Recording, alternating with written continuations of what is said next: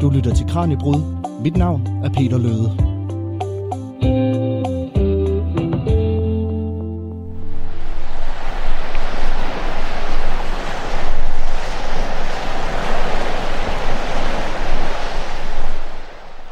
Året er 1872.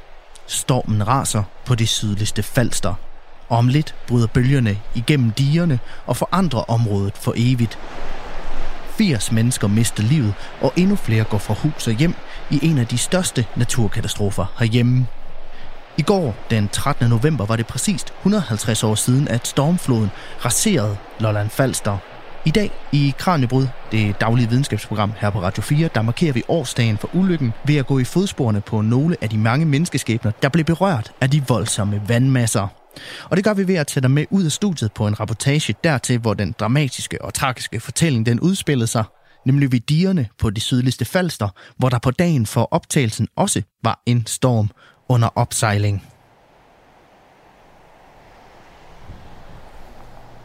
Man kan måske høre en færge, der tuder lidt i baggrunden, og måske kan man også høre havet, der suser, eller vinden, der blæser en lille smule. Jeg har taget regnjakken på i dagens anledning, hvis det nu skulle gå hen og blive stormvejr, fordi jeg synes, vejret ser lidt tvivlsomt ud.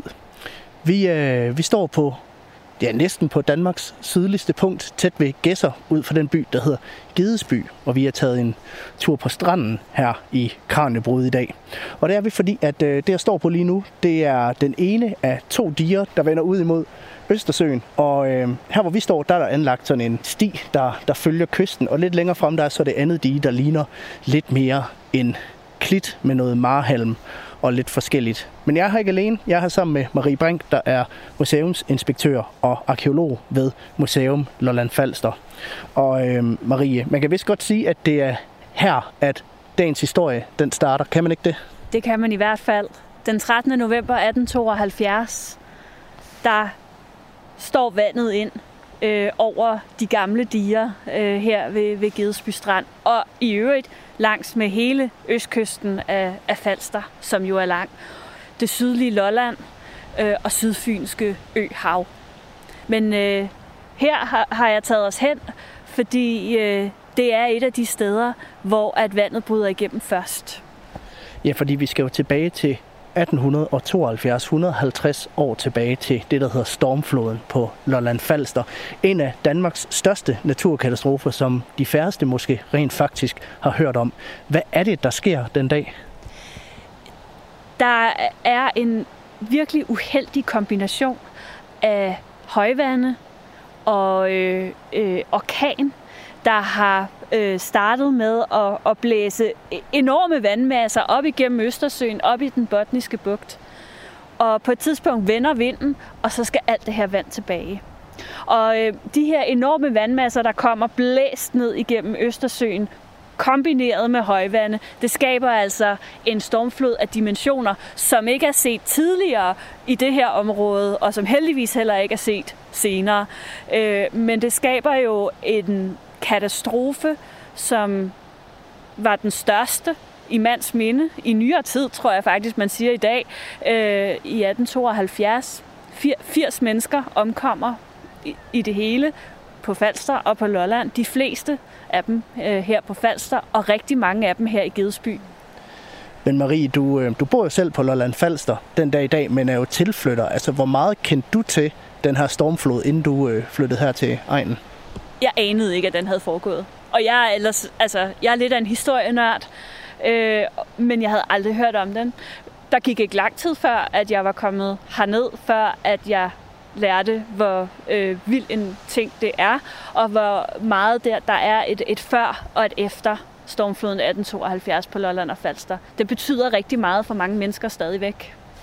Og nu arbejder du jo med at, at grave i nogle af historierne fra, fra stormfloden, især her i anledning af 150-året for, for begivenheden. Hvad har overrasket dig mest ved, ved det her arbejde?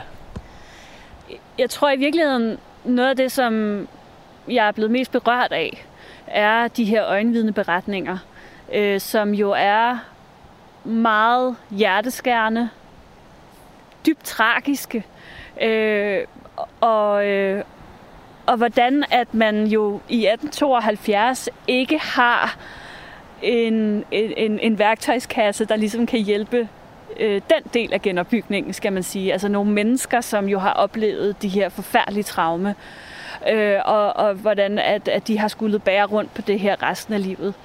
Øh, det har i virkeligheden sat mange tanker i gang hos mig i forhold til, hvordan har de levet videre efter det.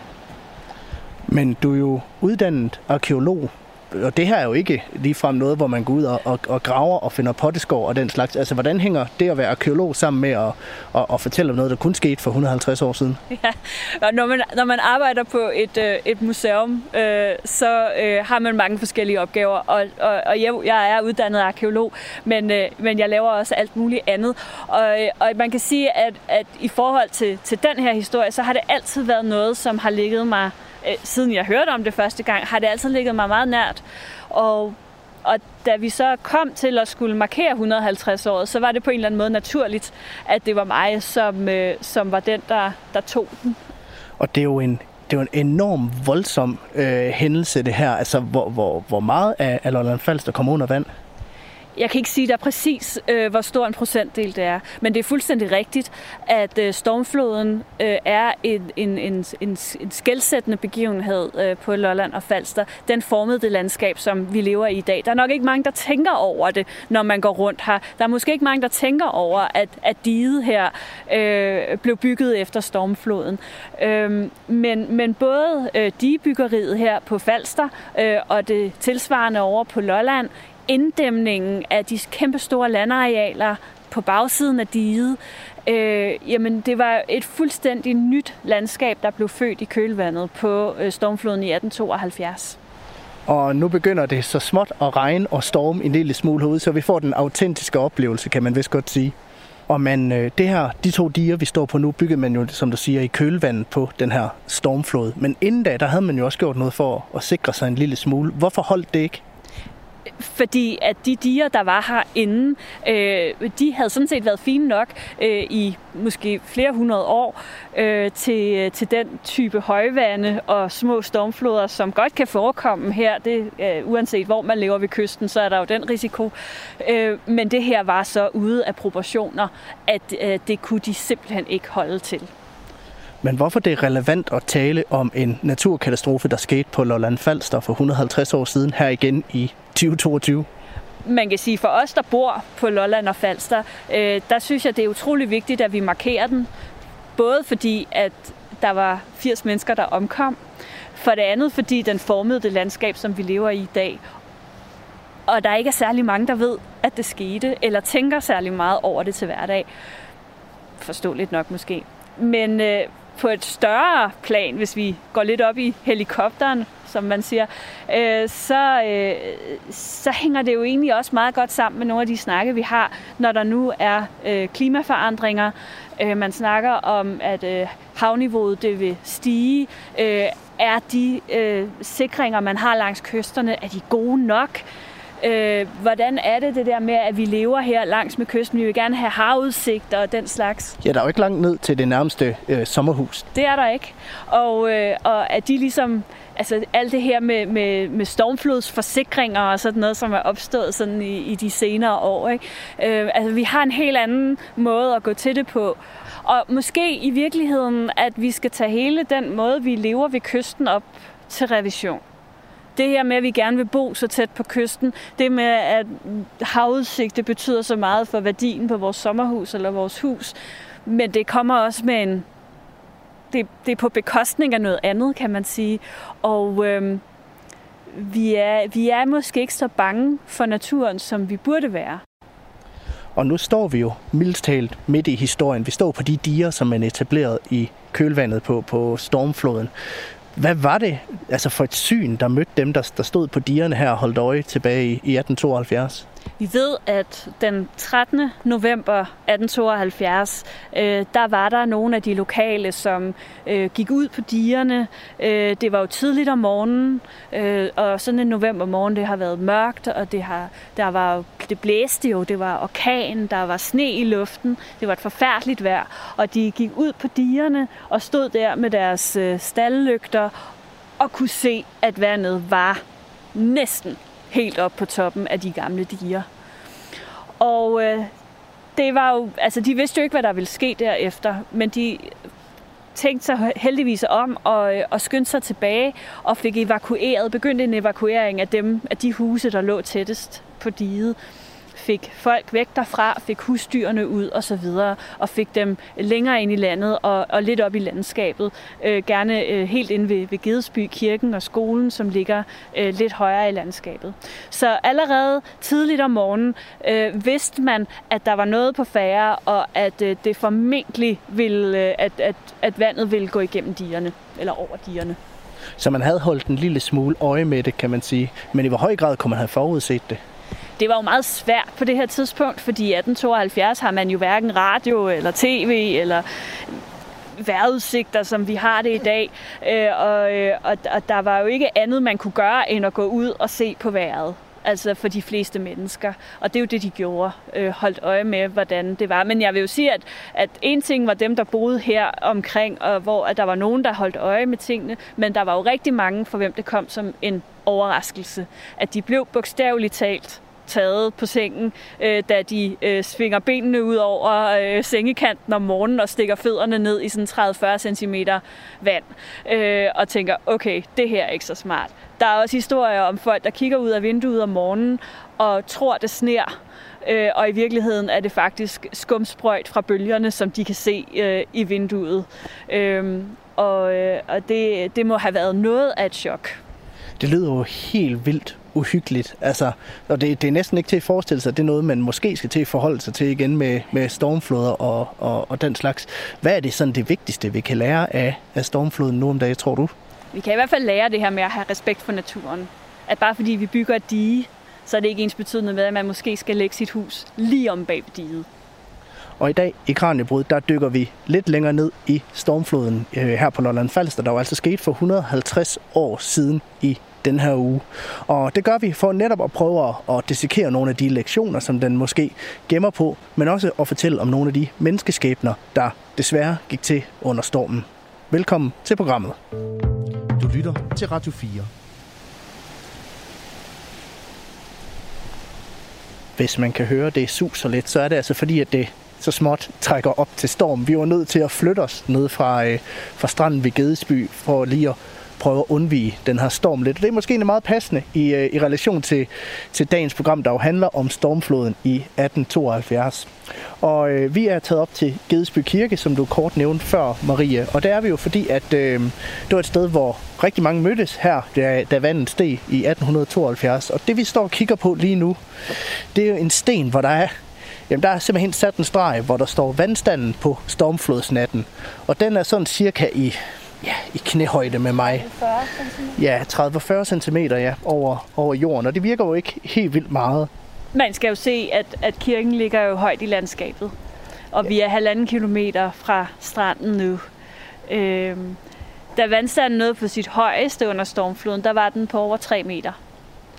Så det har været det har været som en lille ø heroppe på kirkegården, øh, hvor man har kunnet se bølgerne, det er bare forbi herude. Ja, for når man kigger sådan ud mod horisonten, så er der jo næsten kun himmel, så det er meget tydeligt, at vi står på et ret højt punkt, så det, alligevel der, så er det ret voldsomt, at det, det næsten når mig op til knæerne vandet her. Altså det har jo været enormt, øh, det, den her vandstigning. Ja, og, og folk øh, søgte selvfølgelig tilflugt i kirken, fordi det var det sikreste sted. Der kunne jo umuligt ske noget i Guds hus. Øhm, men vandet trængte jo også ind i kirken de her 30-40 cm. Så historien er, at folk de ligesom trak benene op øh, på kirkebænkene og, og sad der og var bange, fordi jamen, man kunne jo ikke, man vidste jo ikke, hvornår det stoppede. Stopper det nogensinde? Altså, drukner vi alle sammen? Ja, vi var lige hen og hive i døren for at se, om vi selv kunne komme ind i kirken ja. og søge lidt ly fra stormen. Det var desværre låst, så vi kan ikke komme ind og se bænkene, hvor, hvor folk de, de, de tog benene op. Men det vi kan se, det er, hvis vi går rundt om hjørnet, så kan vi se et hus, der tilhørte Lærer Petersen. Ja, det hedder han. Øh, og øh, det er den, øh, den gamle rytterskole her i, i Gedesby. Den er, den er bygget i 1724 og, øh, og, øh, og var jo så skole for, for områdets børn. Den ligger hernede bagved. Øhm, øh, og øh, der, der øh, var jo skolestue, og så øh, boede øh, lærer Petersen jo også på skolen. Øh, og øh, der på, på stormflodsdagen, øh, natten kan man sige, der øh, er der mange mennesker, der søger tilflugt øh, i skolen, og det er blandt andet også fordi, at den er rimelig solidt bygget i forhold til de andre huse, der ligger omkring her, som bare er lærklinede bindingsværksbygninger. Og i stueetagen, der har de så øh, alle husdyrene, kør og får og geder og hvad man nu ellers har kunnet øh, få med sig. Og så øh, menneskerne, de sidder så op på loftet. Og hvis vi går, går herhen af, så kan vi faktisk se øh, lidt mere. Nu regner det godt. Ja, nu trækker det virkelig op til... Øh, så hvis man kan høre nogle dunk, så er det altså vanddråber, der lander på mikrofonen. Men så får man jo den autentiske oplevelse, kan man sige. Meget autentisk øh, stormflodsvær. Vi er jo også i november, så øh, det er også... Se, hvis vi lige går rundt her, så kan vi faktisk se vinduet, hvor Lærer Petersen han sad og kiggede ud den 13. november og kunne se, hvad der skete. Er det det øverst på gavlen? Det er det øverst på gavlen, ja. Og det er jo, ja, hvad er det, en, en 3-4 meter op i luften? Ja. Noget i den stil? Ja. Og øh, præcis hvor højt vandet har været her, det, det ved jeg ikke. Det, det var højere end de her 30-40 cm, for folk kunne simpelthen ikke komme hen til skolen, da det var på sit højeste. Han har en, en forfærdelig beretning om at et hus, der ligger lidt nord for skolen, øhm, hvor der bor et ældre ægtepar med deres øh, søn. Og, øh, og de havde egentlig fået tilbud om at blive evakueret, men, men havde, havde ligesom afslået, fordi at øh, forældrene mente, de var for gamle, og sønnen ville ikke forlade dem. Øh, men så på et tidspunkt kan de ligesom godt se, at det her det kommer ikke til at gå. Øh, forældrene synes stadig, de er for gamle til så at forsøge at flygte, men sønnen gør et forsøg. Og han, øh, de sidder og kigger oppe i vinduet, hvor de kan se, at han bevæger sig fra huset igennem vandmasserne og øh, må næsten sådan svømme øh, nogle steder. Og øh, da han når ind i skolens have, øh, der kommer der en kæmpe bølge og rammer ham, og Lærer Petersen han skriver, at det ser ud som om, der er noget halm eller et eller andet i bølgen, og så forsvinder han, og de ser ham ikke igen. Øh, så går der nogle dage efter vandet er, har trukket sig tilbage, så finder de livet af den her unge mand i haven. Han har fået sit hoved knust, og det viser sig, at det var ikke halmen, der var i bølgen, fordi hen over ham, der ligger der en trapro, øh, som har gået hen over en af kanalerne øh, længere herover af. Så det er, bare, det er jo bare en af de her forfærdelige historier, som Lær Petersen han altså er vidne til op fra sit vindue i det, som han i øvrigt kalder for Noahs Ark, øh, skolen der det kan man vist også med rette, når man hører den beretning, ja. at det, det har været en form for Noahs ark, hvor man, hvor man søgte tilflugt, ikke? Jo, det har det været, og øh, de har også øh, historier om, øh, hvordan at øh, de jo faktisk har det, de har det meget svært med at sidde deroppe og kunne se øh, og ikke kunne hjælpe. Øh, og øh, der er en anden historie også øh, lige herover bag fra skolen, hvor at øh, en familie, som egentlig er blevet evakueret, hvor manden så vender tilbage til huset for at hente et eller andet eller redde noget. Og øh, der er det så slemt, at, øh, at alting begynder bare at falde ned om ørerne på ham øh, i det her hus. Det kan de se. Og øh, de diskuterer op på loftet, om de skal forsøge at redde ham på en eller anden måde, men beslutter så, at det er for risikabelt. Øh, de kan ikke redde ham. Og det ender også med, at han selv indser manden, at, øh, han, at han er simpelthen fortabt, og, øh, og, og sætter sig op på et bord, som stadig står et eller andet sted, og, og på knæ, og så sætter han sig til at bede. Og så kommer der en bølge, og så forsvinder han og resten af huset det er, jo, det er jo helt vildt svært at, at forestille sig. Det lyder jo som noget, man, man ser i andre lande, og så at tænke det skulle ske i Danmark, er jo, er jo ret vildt at, at, at forestille sig. Jeg kom faktisk også til at tænke på før, øh, da vi kørte tilbage her, at, at jeg var 20 år, da tsunamien i Thailand skete. Og de billeder, dengang var der jo allerede øh, mobiltelefoner, der mm. kunne optage og sådan noget. Der gik ikke særlig lang tid, før man havde billeder af både tsunami og øh, alt det forfærdelige, der var omkring, og lige i træerne og biler i bjergene, og jeg ved ikke hvad. Og de naturkræfter, der var på spil, og hvor skræmmende det var, og de traumer, som folk havde efter det. Og så er det faktisk sket lige her.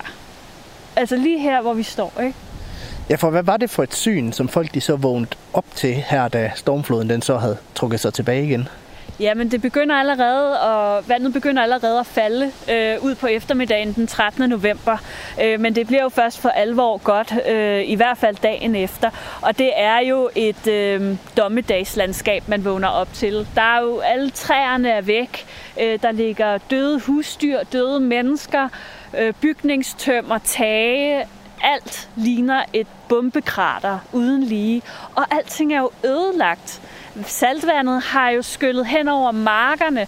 Det, markerne er ødelagt, drikkevandsbrøndene er ødelagt af saltvand. Alle husdyrene er døde, som ikke er blevet reddet. Øh, det er jo ganske få af dem.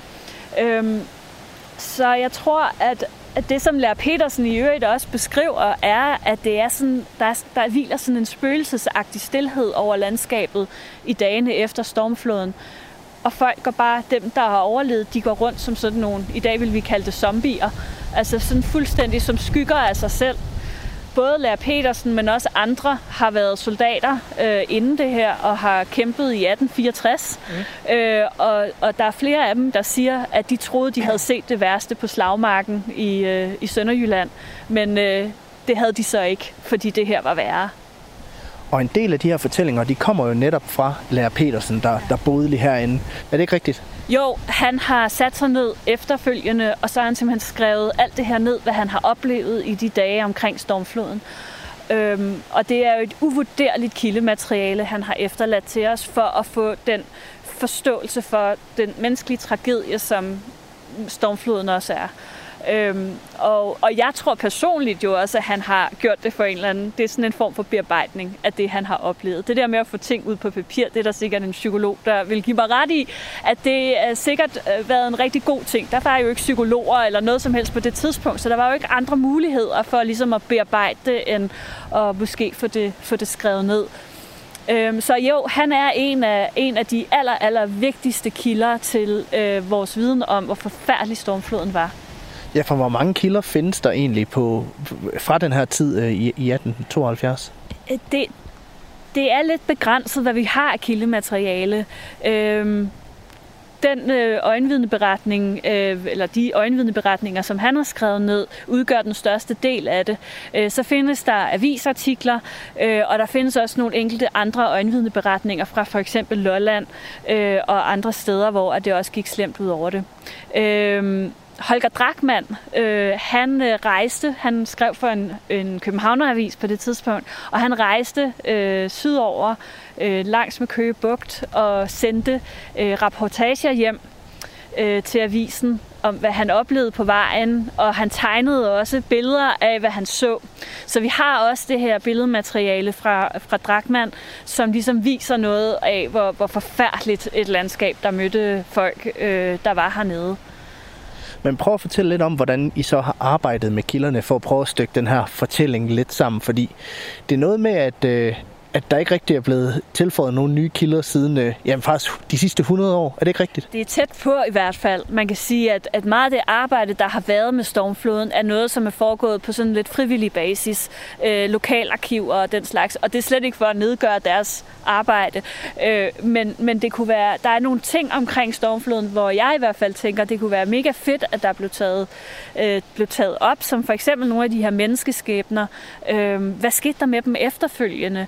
Øh, hvor blev de af? Hvad var det for et liv, de levede øh, efter den her forfærdelige oplevelse? For måske at få en eller anden idé om, hvad for nogle mærker det har sat sig i dem. Levede de bare videre, fuldstændig almindelige liv?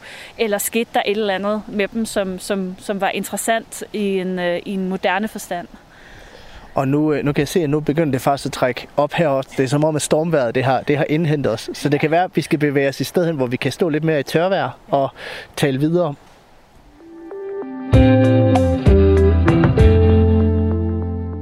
Og mens at vi finder tørvejr, så er vi hoppet tilbage i studiet for en stund.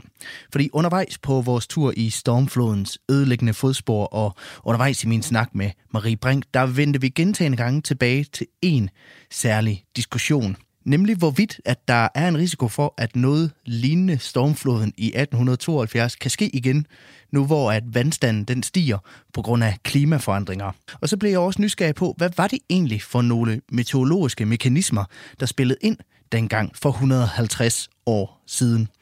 For at blive klogere på det, har min kollega Tine Brink Hansen efterfølgende ringet til Erik Buk, der er uddannet oceanograf og tidligere afdelingsleder på DMI med ansvar for blandt andet stormflodsvarsling. Og prøv lige at høre, hvad han fortæller her. Altså stormfloden er jo, eller stormflod er jo generelt genereret af vinden. Så det, der var situationen i november øh, 1872, det var, at der i dagene op til den 13. november der lå der et lavtryk ned over Europa, og øh, omkring den 11. november, så kom der et højtryk over Nordsverige. Og de to tryksystemer til sammen giver nordøstlig vinde i Østersøområdet. Og øh, i, i dagen op til den 13. der rykker de to øh, tryksystemer så tættere på hinanden, og det vil sige, at vindene tager til styrke, og det kulminerer så natten til den 13. og, og den 13. om formiddagen, hvor der er orkan i området mellem Falster og Bornholm. Når der er sådan en kraftig vind hen over øh, et havområde, så sætter det jo en bevægelse i, i gang i havet, og der bliver dermed i den her situation transporteret vand fra den østlige del af Østersøen over mod den vestlige del. Og det vil sige, at øh, de danske Østersøkyster og de nordtyske kyster, de observerer sig eller bliver udsat for en for høj vandstand på op mod en, en 3 meter. Nogle steder lidt mere. De højeste vandstande er, målt over i, i den mest vestlige del, altså ved Sønderjylland og den nordtyske kyst, hvor vi er op omkring 3,5 meter. Altså, så det har decideret været en orkan, der har været tale om? Det er, der var en orkan i den 13.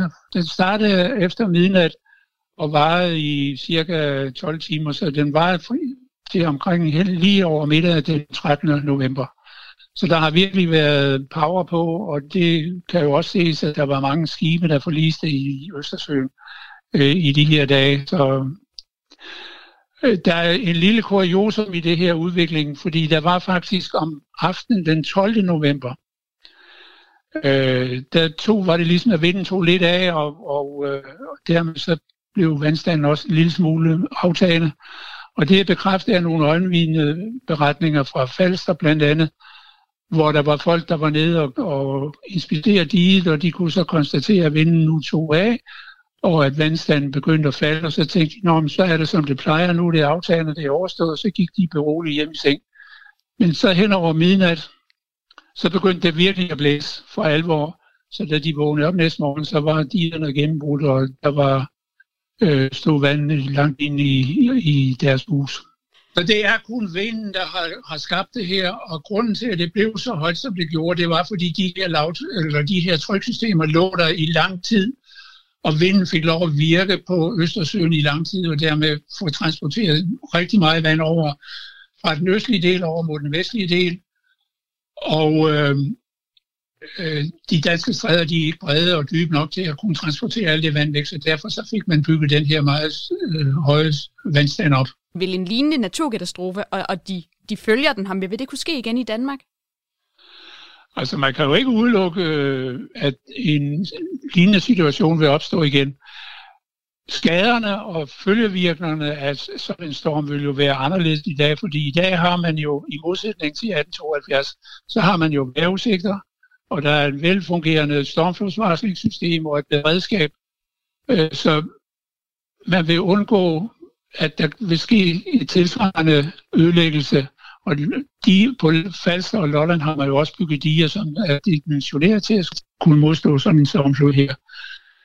Man kan ikke udelukke, at der kommer oversvømmelser, det vil der absolut gøre. Der vil også ske nogle skader, men slet ikke i den her samme karakter, som der skete i 1872, fordi der var det hele jo totalt uforberedt. Altså man kan sige, at den her type storm vil, vil kunne ske, og, og hvis man laver lidt statistik på vandstand, så kan man sige, så vil, den, så vil det noget, der vil, vil ske cirka med 300 års mellemrum.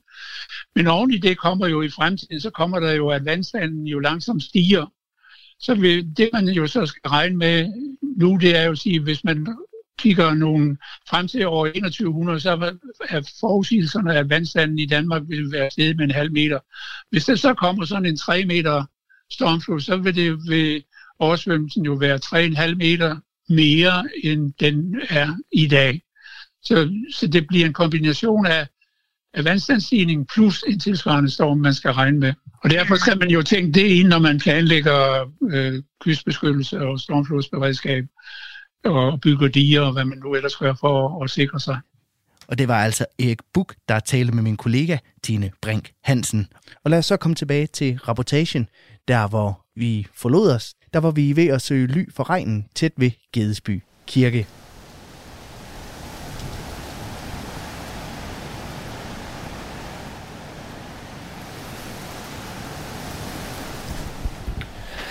Ja, nu siger jeg noget på godt jysk. Det, øh, det pisser ned. øhm, og derfor så har vi søgt tilflugt i en bygning, der lå på den her kirkegård, hvor vi stod lige før. Det er faktisk en toiletbygning. Vi sidder på to stole, vi har fundet i et, i et hjørne og gemmer os lidt for, for den her storm, der har, ja, der er kommet lidt bag på os måske, men, men samtidig bidrager lidt til, til stemningen øh, af dagens program. Du lytter til Kranjebrud. Jeg hedder Peter Løde. I dag der dykker vi ned i historien omkring den stormflod, der ramte Lolland Falster i 1872. Og øh, nu har vi hørt lidt øjenvidende beretninger, der var nedskrevet af en lokal lærer. Vi har været ude og kigge lidt på digerne, men måske så skulle vi få, hvad kan man sige, omfanget af den her ulykke, af den her katastrofe på plads. Jeg har fået selskab af Marie Brink, der er museumsinspektør og arkeolog ved Museum Lolland Falster, og det er altså også to, der har søgt tilflugt herinde for, for stormen. Nu, øh, nu har jeg taget kort med her over Lolland Falster, hvor meget af at det vi ser på kort, det er jo et moderne kort det her øh, over området. Hvor meget af det var under vand øh, under stormfloden? Hvis du kigger på Falster her, øh, med den lange øje, der går, går ned her, så faktisk alt det, der, var, der, alt det, der er mørkegrønt her, så hele, hele den østlige del af, af spidsen her, var faktisk øh, under vand. Og i en periode var der faktisk øh, fuldstændig afskåret. Øh, så var Sydfalster en ø. En ø for sig selv. En simpelthen. ø for sig selv. Øh, så meget vand øh, var der kommet. Så, så man kan sige, du kan se den lysegrønne øh, farve her, den markerer øh, på den, hvad bliver det? Det bliver den vestlige del af, af Sydfalster, at, at, at det er lidt højere. Så det lå selvfølgelig ikke under vand. Øh, så, så alt det her over Marieløst, Gedesby, øh, det område der, Bøtø, øh, det var øh, under vand i, i højere eller mindre grad. Og så var der jo selvfølgelig her, hvor vi sidder lige nu ved Gedesby Kirke, der ja. ligger på en bakke og dermed var, var over vand. Ja. Øh, med nød og næppe, kan man vist godt sige. Hvad med Lolland? Hvor meget blev det ramt? Lolland blev også ret hårdt ramt, især øh, den, den sydlige del her øh, af sydkysten af Lolland. Øh, der øh, kom, kom vandet ret langt op. Det var ikke helt lige så slemt på Lolland, som det var øh, på Falster. Øh, men, øh, men det var nok til, at der var omkring øh, 20 mennesker eller et eller andet, der, der omkom øh, på Lolland også. Øh, og det var især folk, der boede helt hernede. Øh, du kan se her på kortet, står der Rødby Fjord. Den er i dag ikke, den findes ikke i dag, den er inddæmmet. Okay. Øh, men den fandtes øh, i 1872, øh, så der var jo ikke noget dige her til at holde noget øh, vand væk, og det vil sige, at alt vandet kom jo ind her i i Rødby Fjord, og så spredte det sig bare ud over, øh, ud over Lolland øh, fuldstændig vildt og voldsomt.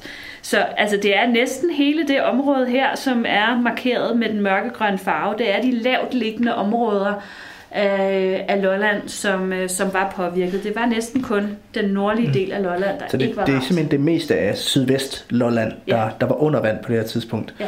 Og nu talte vi jo om det her med, at, øh, at kortet jo på en eller anden måde blev gentegnet efter stormfloden. Mm. Øh, hvordan så kortet, det her er et moderne kort, men hvordan så kortet ud inden stormfloden? Jamen, øh, der har du øh, hernede på, øh, på Falster, hvor vi er nu, øh, så havde du haft et, øh, et, øh, en lille bugt, der gik ind her, der hedder Bøtø Nord.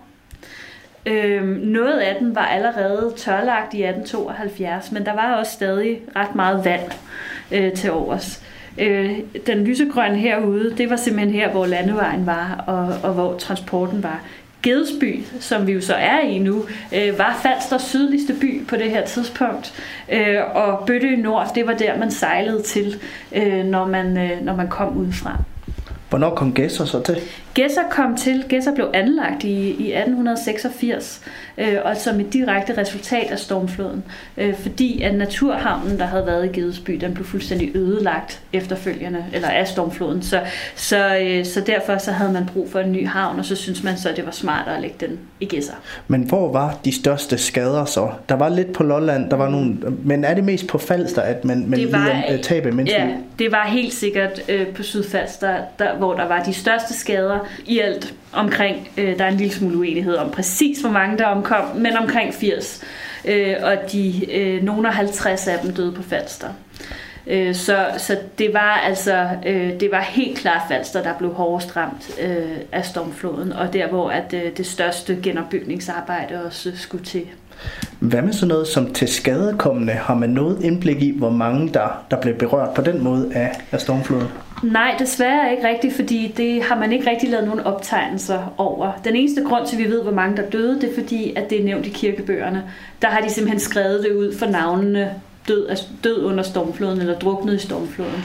Øh, men hvor mange der bare kom til skade, øh, det har de desværre ikke registreret nogen steder. Lad os prøve at springe til det, der sker efter stormfloden, efter menneskelivene er gået tabt, og man har opdaget, at der ligger et kæmpe genopbygningsarbejde her. Hvordan var reaktionerne fra resten af landet på den her naturkatastrofe?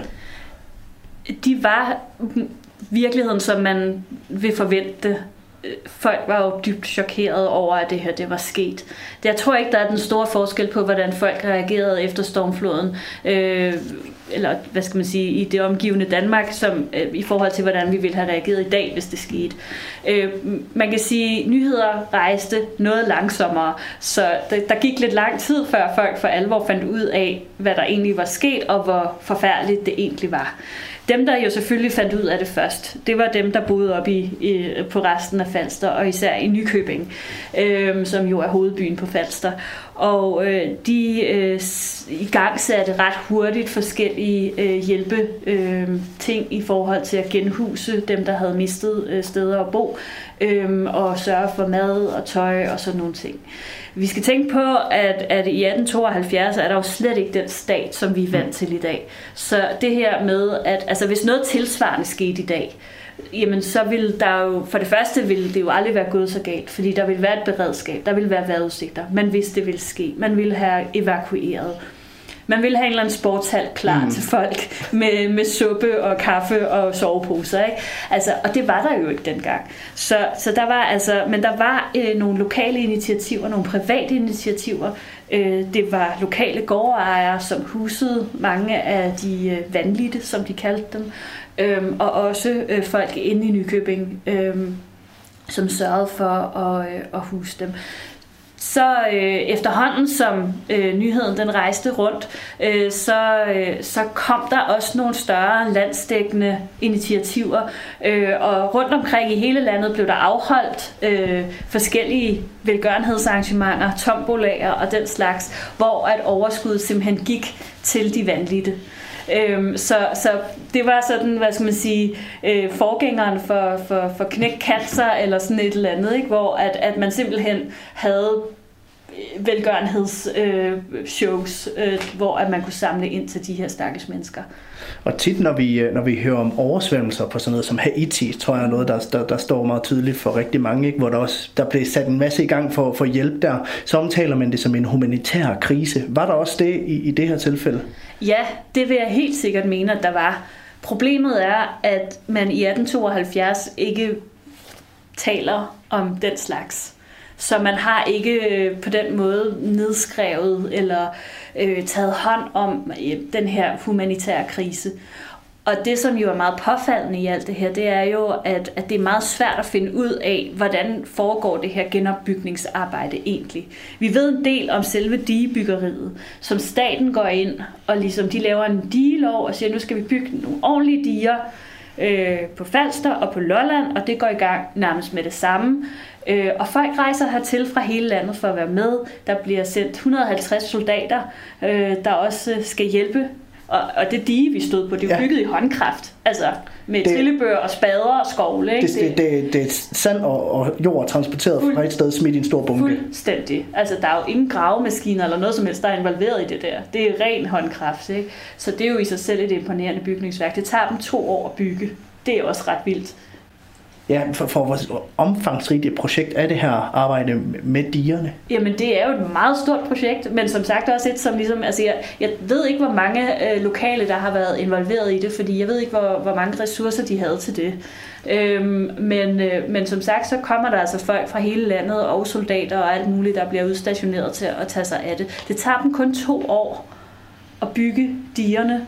Øhm, de står klar i 1875. Så, så det er altså et ret effektivt stykke arbejde, øh, der bliver gennemført på det tidspunkt. Men det her, nu, nu kommer der en masse til området for at hjælpe med at bygge diger, for at hjælpe med det her genopbygningsarbejde. Ved vi noget om, hvad deres, hvad deres reaktion har været, da de så det med, med egne øjne? Øh, Chok.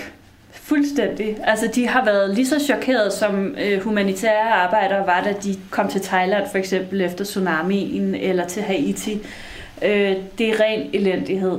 Øhm, og, og det, som jo er meget tankevækkende, det er, at øh, flere måneder efter stormfloden, øh, så bliver man jo ved med at finde lig og ligdele øh, i træerne.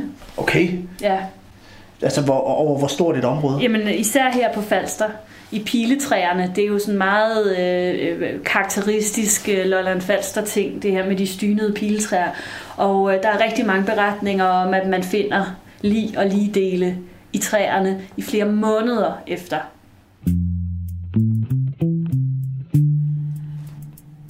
Du lytter til Kranjebrud her på Radio 4, hvor vi i dag er taget et smut til Falster, nærmere bestemt øh, Gedesby, der ligger på det helt sydlige Falster, meget tæt ved Danmarks sydligste punkt ved Gæsser. Og det er vi, fordi at vi ser nærmere på stormfloden fra 1872, der især ramte det her område enormt hårdt. Faktisk så er vi ved Gedesby Kirke, der som et af de eneste steder var over vand under stormfloden. Og lad os prøve at dykke lidt mere ned i nogle af menneskeskæbnerne fra den her tragiske øh, katastrofe. Hvilke historier kender vi ellers fra, fra, øh, fra den her begivenhed? Jamen, vi kender mange, faktisk, heldigvis. Mange menneskeskæbner. Øh, jeg tror, en af dem, jeg synes er måske allermest hjerteskærende, øh, handler om en kvinde. Øh, det er igen Lærer Petersen, der fortæller. Mm. Og øh, den her kvinde øh, mister simpelthen alle sine tre børn i stormfloden. Øh, de er små, øh, under 10 år, alle tre. Og øh, Lærer Petersen fortæller om, hvordan i dagene efter stormfloden, at øh, moren går rundt sammen med et familiemedlem og simpelthen leder efter de her børn og graver dem fri af dønnet. Og efterhånden, som de finder børneligene, øh, hun ligesom øh, tørrer sandet og døn og så videre af deres ansigter, og hun kysser dem og ærer dem og græder. Og øh, Lærer Petersen siger, at hun, hun blev vanvittig og sov. Hun blev aldrig den samme igen. Men er det en, er det en typisk historie fra, fra, øh, fra den her begivenhed? Det lyder jo altså, abnormt tragisk, men vi har jo hørt et par eksempler efterhånden på, på tragiske begivenheder. Er det bare øh, ren redsel, det hele? Ja, altså der er jo også, øh, nu siger jeg griner, det er måske meget upassende, men, øh, men der er jo selvfølgelig også nogle, nogle øh, hvad skal man sige, jeg vil ikke kalde dem gode historier, fordi at, øh, eller lykkelige historier, men der er jo nogen, der overlever. Og, og en af dem er en tjenestepige, øh, som er på en gård i området, ikke så, så langt herfra, øh, og øh, hun... Øh, hun lykkes altså med at, at overleve, selvom hun er tæt på at, at omkomme. Det er sådan på det her tidspunkt, at øh, man har jo, altså husene her omkring, er jo bindingsværkshuse med lærklinede vægge. De er ikke særlig øh, gode til at håndtere stormflod. Øh, de smuldrer simpelthen, øh, og folk de klatrer op på lofterne, og det er de rene dødsfælder. De fleste af de mennesker, der omkommer i stormfloden, både på Falster og på Lolland, de omkommer, de drukner simpelthen, fordi de er kravlet op på lofterne. Og øh, Maren og de andre folk på den her gård, de kravler også op på loftet. Øhm, og der sker det samme, som der sker rigtig mange andre steder, at væggene de forsvinder fra huset, og lige pludselig så ligger de altså, øh, så sejler de rundt i det her loft, øh, som de ikke kan komme ud fra, og som jo også øh, delvist øh, synker osv på en eller anden måde i, i den proces, øh, der, får, øh, der, får, der kommer hun til at sidde fast i noget, øh, og, øh, og, og bliver ligesom øh, trykket ned under vandet. Og de prøver sådan at få hende fri og sådan noget. En gang imellem kommer hun op og, og, og råber sådan til dem, at de skal bare lade hende dø, og de skal bare redde sig selv, og, og, og det er okay, og så videre. Og øh, det ender sig alligevel med, at de får, får reddet hende, og hun overlever, og hun fortæller selv, øh, Øh, sin øjenvidende beretning efterfølgende. Øh, og, øh, men hun mister så det største del af sin familie i stormfloden. Øh, de bliver fundet i træer og i grøfter rundt omkring, øh, og det er jo tragisk i sig selv. Men, en, øh, men for hende er det sådan en glædelig begivenhed, kan man sige. Det er måske eneste lyspunkt, at øh, hendes øh, kommode, hvor at hun har alt, sin, alle sine ejendele, øh, den finder hun, og den indeholder alt det, som øh, der, var ikke, der, var, der manglede ikke andet end nogle penge fra den. Så hun bliver genforenet med sine ejendele, Øhm, og at det så er det eneste, hun har, øh, det er jo så selvfølgelig stadig tragisk, men hun, hun kunne da fortælle sin historie. Men det, altså det, det er jo enormt tragiske historier alle sammen, uanset om man overlever eller ej. Og, og det er jo no, rigtig mange mistede jo både deres pårørende og deres familie og deres kære. Er det noget, der man kan mærke hernede stadigvæk? Er det noget, der sidder i folkesjælen, det, selvom det er 150 år siden? Ja, Øhm, jeg tror især i de lidt ældre generationer. Jeg har en kollega, som var ude og holde foredrag for øh, nogle få uger siden om stormfloden, øh, og hun sagde, at øh, det var et noget ældre publikum, men der var faktisk mange af dem, der havde bedsteforældre, som havde været børn øh, under stormfloden. Øh, og øh, det var et øh, det var for dem selv for de her ældre mennesker som jo bare har fået det genfortalt af deres bedsteforældre som var børn var det voldsomt at, at deres bedsteforældre havde oplevet det her. Ja, for du, øh, du fortalte jo tidligere, at du selv øh, er flyttet hertil. Altså, ja. kunne du mærke, at det var noget, der, der, der fyldte noget i, i folkesjælen, hvis man kan sige det på den måde? Ja, det synes jeg godt. Altså, jeg, jeg synes meget hurtigt, at jeg lærte det her med, at øh, der er et før og et efter stormfloden. Og at det er noget, der fylder noget.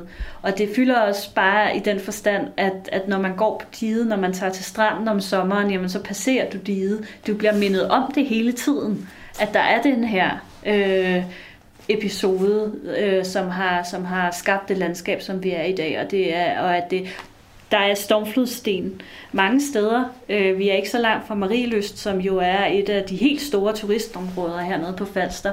Øh, og, og udover at der er diget, så er der også en kæmpe stor stormflodsten midt i byen, som tusindvis af turister passerer øh, hver eneste sommer. Øh, og hvis bare et par af dem lige stopper op og tænker, wow, hold da op, skete det virkelig? Og nu, øh, nu begynder programmet så småt at gå på held, og øh, stormværet begynder måske også at det stiller i hvert fald en lille smule af uden for, uden for døren af, hvad, hvad jeg lige kan se. Hvis der er et eller andet, vi skal tage med fra dagens program, en pointe eller en morale, hvad skulle det så være, Marie? Det er et svært spørgsmål. 1872 var jo en, en anden tid, Øhm, og det er klart, at en tilsvarende naturkatastrofe vil blive håndteret helt anderledes i dag. Men jeg synes, at øh, noget af det, som er meget hjertevarmende i den historie, og der er immer væk ikke særlig meget af det, øh, så er det jo den omsorg, som, som øh, medmennesker giver hinanden i en katastrofesituation. Hvordan hele landet samler sig om at hjælpe de her mennesker, som er i nød, øh, hvordan lokalområdet hjælper folk, som er i nød, øh, og hvordan at øh, ingen ligesom bare er, er, er, de er Måske bliver de ikke hjulpet helt lige så meget, som vi ville hjælpe i dag, hvis det var tilfældet, men, men de bliver hjulpet øh, i et eller andet omfang. Og det synes jeg er, er jo dejligt at tænke på, måske især i disse tider, hvor at, øh, at øh, den slags øh, medmenneskelighed og, og omsorg for hinanden nogle gange godt kan, kan virke lidt fjern, men, men den ligger i os, det tror jeg, det håber jeg. det lyder som en positiv pointe at slutte på. Marie Brink, museumsinspektør og arkeolog ved Museum Lolland Falster. Tusind tak, fordi du har lyst til at vise mig rundt her i området i dag. Jamen selv tak, det var en fornøjelse du lytter til Radio 4. Hjemme tilbage i tørvejr i studiet, der vil jeg bare sige tusind tak, fordi at du lyttede med. Husk, at vi sender Kranjebrud alle hverdage fra 12.10 til kl. 13, og at du kan finde alle de tidligere udsendelser som podcast i Radio 4's app, der kan hentes på både App Store og på Google Play. Med i marken, der var Marie Brink, der er museumsinspektør og arkeolog ved Museum Lolland Falster. Og jeg hedder som altid Peter Løde. Tusind tak, fordi at du lyttede med. Programmet er produceret af Videnslyd for Radio 4.